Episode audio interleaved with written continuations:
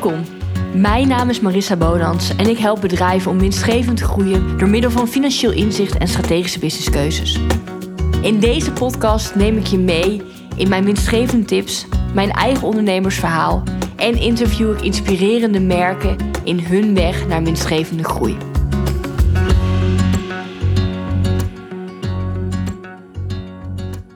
Ik neem deze aflevering op op vrijdagmiddag vijf over half zes, om zeer specifiek te zijn. Ik dacht, hmm, laat ik toch voordat het weekend uh, begint uh, nog even een podcast opnemen. En misschien luister je deze podcast wel op maandag of op dinsdag, donderdag, avond, ochtend. Um, welkom bij een nieuwe aflevering met misschien wat achtergrondinformatie. Want ik dacht, ah, ik ga dit toch nog eventjes doen voordat het weekend uh, begint. Maar ik zit hier op zolder en het regent nogal hard. Um, dus misschien hoor je wat getik. Nou, dat is de regen. Want ook al is het uh, september, het lijkt hier een beetje alsof de herfst is ingetreden. De bladeren gaan van de bomen vallen en het wordt weer herfst.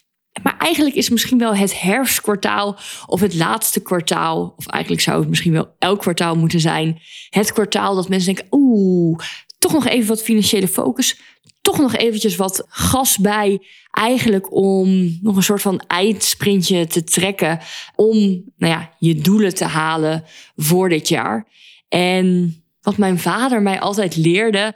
Uh, die zei ja, als je het echt goed opbouwt. Als je echt goed uh, je race indeelt. En misschien denk je nou race, race, race. Ik heb uh, vroeger veel aan atletiek gedaan dan heb je geen eindsprint nodig. Dus als je eigenlijk goed indeelt wanneer je wat gaat doen, waren dan vaak wedstrijden met, moesten we volgens mij acht rondjes om de, om de baan rennen.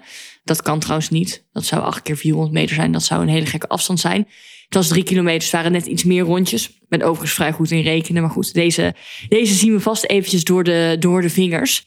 Dat hij altijd zei, ja, als je het echt goed hebt bedacht van tevoren uh, wat je eigenlijk je, je rondetijd moet zijn, dan heb je geen eindsprint nodig.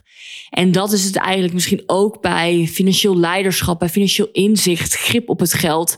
Als je het altijd hebt, dan weet je, hey, ik ga het laatste kwartaal meer verkopen, want Black Friday komt eraan, Halloween, uh, Sinterklaas, Kerst, uh, sowieso zijn bijna voor alle ondernemers, alle bedrijven het laatste kwartaal vaak wat, wat een wat beter uh, kwartaal.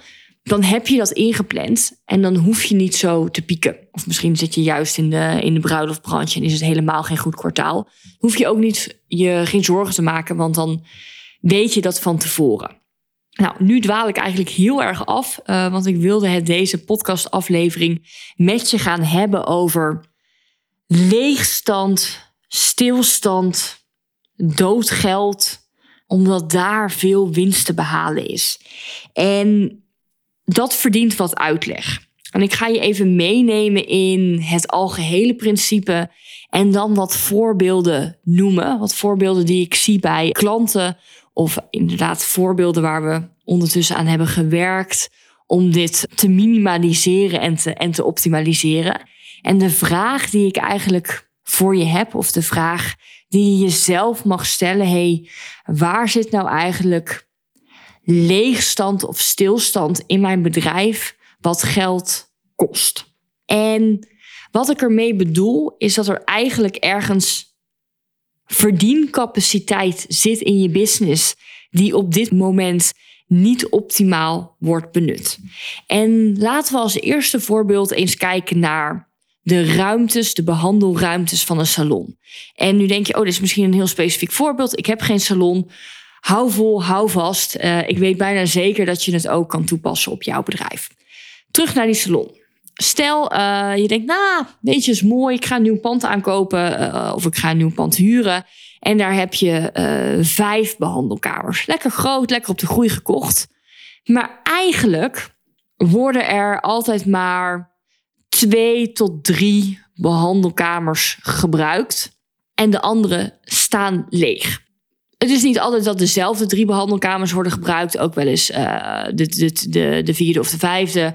Nou, misschien heb je wel vijf werknemers en heeft iedereen een beetje zijn of haar eigen behandelkamer. Maar niet iedereen werkt fulltime, niet iedereen werkt die 40 uur. Dus eigenlijk is er best wel wat leegstand in je bedrijf, in de ruimtes. Dat is zonde. Daar lekt geld weg. Als je namelijk de helft van de ruimte zou hebben, zou je waarschijnlijk minder huurkosten betalen. Of als we hem aan de echt interessante kant bekijken, wat kunnen we doen om ervoor te zorgen dat eigenlijk altijd de capaciteit van jouw bedrijf, dus die vijf kamers in dit voorbeeld, gevuld zijn en benut zijn om geld te genereren. Dat kan zijn met meer klanten aantrekken, zodat nou ja, de behandelkamers dus vol zitten. Wat vaak ook wel weer het spel teweeg brengt van hé, hey, dan moet er ook personeel zijn. Of als je zegt, hé, hey, ik zit nog niet in die fase, kan ik bijvoorbeeld één ruimte uh, misschien wel onderhuren, onderverhuren aan een andere therapeut. Misschien nog wel een therapeut, ja, laten we dat even therapeut, uh, die bijvoorbeeld uh, nagels doet en jij doet bijvoorbeeld huidbehandelingen. Nu weet ik niet of nagels echt een therapeut heet, maar ik denk dat je snapt ehm, wat, wat je bedoelt. Waardoor je eigenlijk ook nog van elkaars bereik, van elkaars klanten gebruik kan maken. Dat ik daar kom en denk, ah, ik kwam hier eigenlijk altijd voor mijn nagels. Maar ja, nu mijn huid, die, die rimpels mogen ook wel even strak worden getrokken. Dat is toch wel handig. Zodat we gaan kijken naar, hey, die lege ruimtes, dat is leegstand. Daar zit eigenlijk verdiencapaciteit. Want als de behandelkamer gevuld is en er ligt een klant op de behandeltafel voor een gezichtsbehandeling of een voetenbehandeling of een massage of wat dan ook, dan verdient die kamer geld. Hoe kunnen we nu ervoor zorgen dat die kamers dus eigenlijk altijd gevuld zijn door ofwel de strategie meer klanten, meer personeel om die behandelingen te vervullen, ofwel een gedeelte van je ruimte onderverhuren. Of misschien zeg je nou, nu ik er zo over nadenk, is die ruimte eigenlijk helemaal niet passend bij mijn bedrijf. En kan ik eigenlijk veel beter een andere locatie nemen. Dat is een voorbeeld van ja, leegstand, waardoor eigenlijk er ruimte zit in je bedrijf wat, wat niet oplevert, wat niet verdient. Een ander voorbeeld van leegstand in je bedrijf is bijvoorbeeld het hebben van niet declarabele uren. En dit is vooral als je een agency hebt of je hebt een bureau. Of eigenlijk is het ook wel van toepassing voor elk bedrijf met veel personeel in uh, dienst. Nou, stel je hebt um, Piet in dienst en Piet, heeft, uh, Piet werkt fulltime. Piet werkt uh, eh, 40 uur per week. Dus je betaalt hem ook voor die 40 uur per week. Hij heeft een vast contract, 40 uur per week. Hoppa, dat is de afspraak met, met Piet. Maar ook als je ehm, nog met eh, freelancers werkt en je hebt afgesproken met um, Piet, laten we hem nog even Piet noemen, dat hij sowieso uh, eh, 20 uur per week mag, mag schrijven op dit project. Um, nou, dan heb je die 20 uur eigenlijk ingekocht. Nou, dat is fijn. Laten we weer even teruggaan naar Piet in loondienst, uh, 40 uur per, per week. Als Piet daar elke dag komt zitten en eigenlijk heb je maar voor 20 uur werk, ja, dat is best wel zonde, want die andere 20 uur moet je nog steeds aan Piet uitbetalen. Want dat is het beetje het idee van personeel hebben. En die 50%, die 20 uur dat Piet gewoon zit te zitten, dat zijn eigenlijk dode uren. Daar zit hartstikke veel geld in. En hoe kom ik nou op uh, dit voorbeeld? Ik had deze week een eerste sessie met een uh, nieuwe deelnemer in mijn mastermind uh, programma versie agencies. Er zijn namelijk nu twee mastermind versies die ja, eigenlijk gelijktijdig naast elkaar lopen. Eén meer gericht op merken en webshops, dus echt met de fysieke producten. En één variant voor agencies en bureaus. En daar is ja, dat urenstukje een, een heel ja, belangrijk component. Want wat uh, dat verdienmodel eigenlijk doet, je verkoopt uren. Nou, daar is natuurlijk ook nog wel een, een hele podcast over op te nemen. Van hey, zouden we eigenlijk wel echt uren moeten verkopen? Of zouden we veel meer het resultaat moeten verkopen? Maar in essentie is het het businessmodel wat personeel heeft. En nou ja, personeel ook weer, of de uren van dat personeel weer verkoopt aan klanten. Maar als jij, nog even terug naar, uh, terug naar Piet, um, Piet daar voor 40 uur hebt zitten. En eigenlijk ja, werkt hij maar voor 50% aan klanten die jij weer kan factureren. Dan is Piet dus maar voor 50% declarabel. En stel jij kan Piet aan jouw klanten, dus laten we zeggen het is een uh, reclamebureau en je hebt daar een uh, mooi merk als uh, klant. En nou, daar, kan je, daar verkoop jij de uren van, van Piet aan voor 100 euro per, per uur. Als Piet dan 50% van de tijd zit te zitten, dus eigenlijk niet declarabel zit te wezen, dan verlies jij, nou, 20 uur per week keer 100 euro, is eigenlijk geld wat je niet verdient. Dat kan hem zitten in ofwel er is te weinig werk, ofwel je team is heel erg druk bezig met interne meetings, dingen uitzoeken, geen idee wat voor niet declarabele eh, werkzaamheden, uh, pingpongen, tafeltennissen, kan van alles zijn. En ontspanning hoort er zeker bij op zijn tijd, maar ga eens na.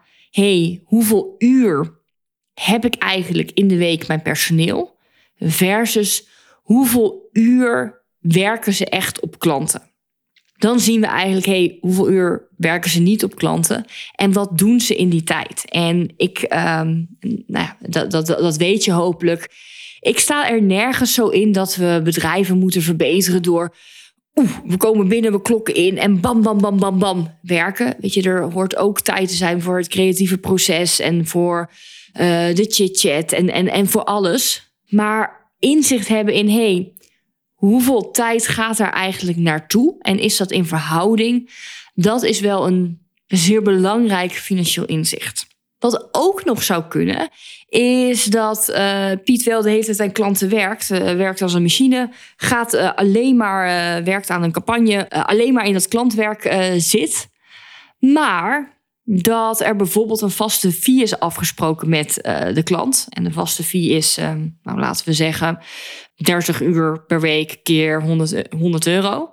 En nou, Piet werkt er 40 uur aan. Dan werkt hij wel aan de klant. Maar blijkbaar doet hij meer dan is afgesproken.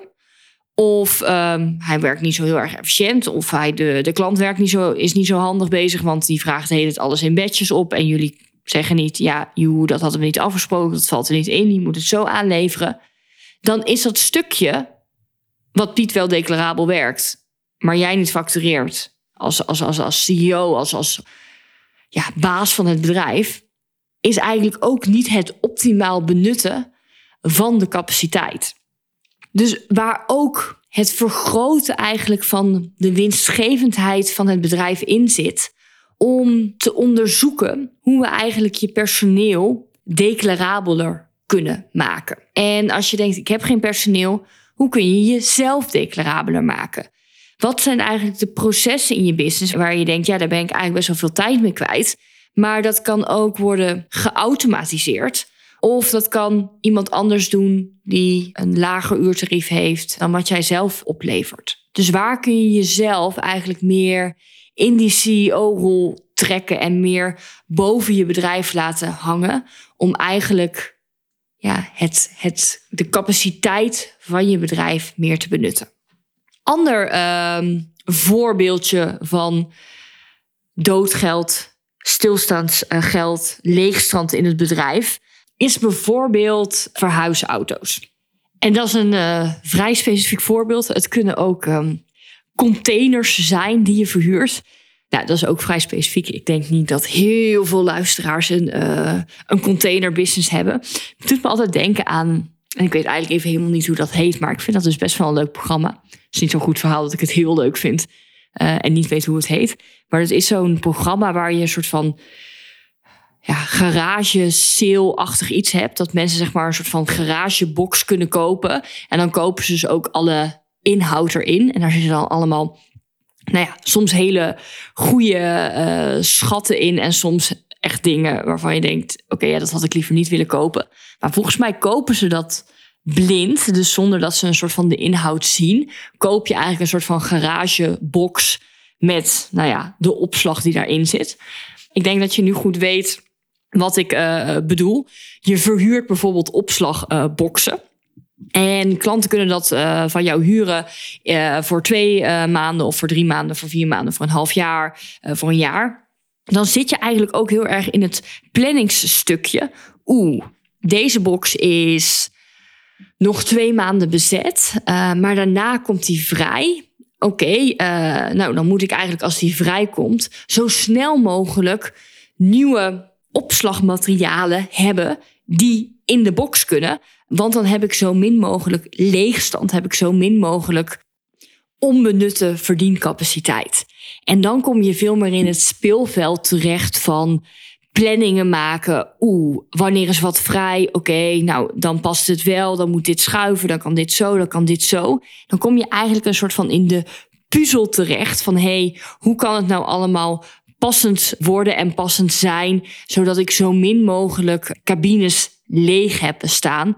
En nu ik het woord cabines zeg, denk ik nou eigenlijk kunnen we ook nog wel een voorbeeld maken van hotelkamers. Dat je, en dat is eigenlijk denk ik ook vaak de reden dat je bij hotelkamers ziet, oké, in het hoogseizoen uh, minimaal uh, voor um, drie of vier nachten boeken.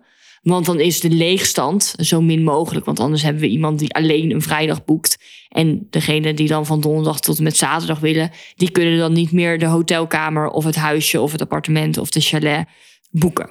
Nou, dit eigenlijk als vier nou, niet hele samenhangende voorbeelden uh, over leegstand, stilstand in jouw bedrijf. Oftewel het niet benutten van de optimale verdiencapaciteit. En de vraag die ik je wil meegeven, of de, de hersenkraker, de denk er eens over na, is: hey, waar in je bedrijf heb je eigenlijk stilstand? Dus waar benut je niet de optimale verdiencapaciteit. En ik ben ervan overtuigd dat er nog ontelbare voorbeelden te bedenken zijn waar ja, je eigenlijk verdiencapaciteit laat liggen. Ik ben heel erg benieuwd tot welke inzichten je bij jezelf komt, uh, bij jouw bedrijf, als je jezelf echt heel kritisch de vraag stelt: hey, waar is er nog meer verdiencapaciteit in mijn business? En soms moet je daarvoor even wat graven, moet je daarvoor echt de cijfers induiken. Door bijvoorbeeld eens te kijken, hey, hoe declarabel is mijn personeel nu? Of hoe facturabel, hoeveel van de uren dat ze op klanten werken, kan ik ook echt doorfactureren. En zo zijn er eigenlijk ontelbaar veel voorbeelden te bedenken, zodat jij de verdiencapaciteit van jouw bedrijf kan uh, vergroten. Want eigenlijk de drie voorbeelden die ik uh, noemde, een beetje vervormd um, om niet al mijn klantdata in deze podcast te, te, verspreiden, zijn allemaal voorbeelden van klanten, ofwel uit mijn uh, financieel mastermind traject, ofwel uit mijn één op één uh, groeitraject.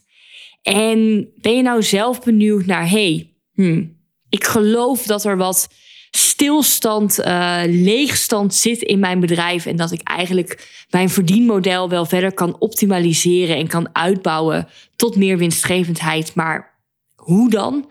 Uh, dan ga ik graag met je in uh, gesprek om te kijken, hey, welk perspectief zie ik daarvoor? Welke kansen zie ik daarvoor? En wat moeten we doen om het niet alleen te signaleren, maar het vooral aan te pakken en te verbeteren? Want dat is wat ik in mijn trajecten doe. Wil je daar meer over weten, dan zijn er meerdere opties um, die je kan uh, ondernemen. En ik moet de klant altijd niet zoveel laten kiezen, maar in dit geval uh, geef ik je wat keuzes. Je kunt eventjes naar mijn website gaan, www.marissabonans.nl. Dan vind je onder aanbod meer informatie over mijn mastermind traject en over mijn één op één uh, traject. Mijn mastermind traject, de nieuwe rondes starten redelijk nu. Het ligt een beetje aan wanneer je dit luistert. Maar de eerste groepsessie startte begin oktober. En ik doe in september met iedereen de één op één uh, sessie uh, als start. Um, dus mocht je daar interesse in hebben, dan um, moet je snel contact met mij uh, opnemen. En dat kan via contact.marissabonans.nl of ga even naar mijn website en dan slash contact. Dan kun je ook het formulier invullen.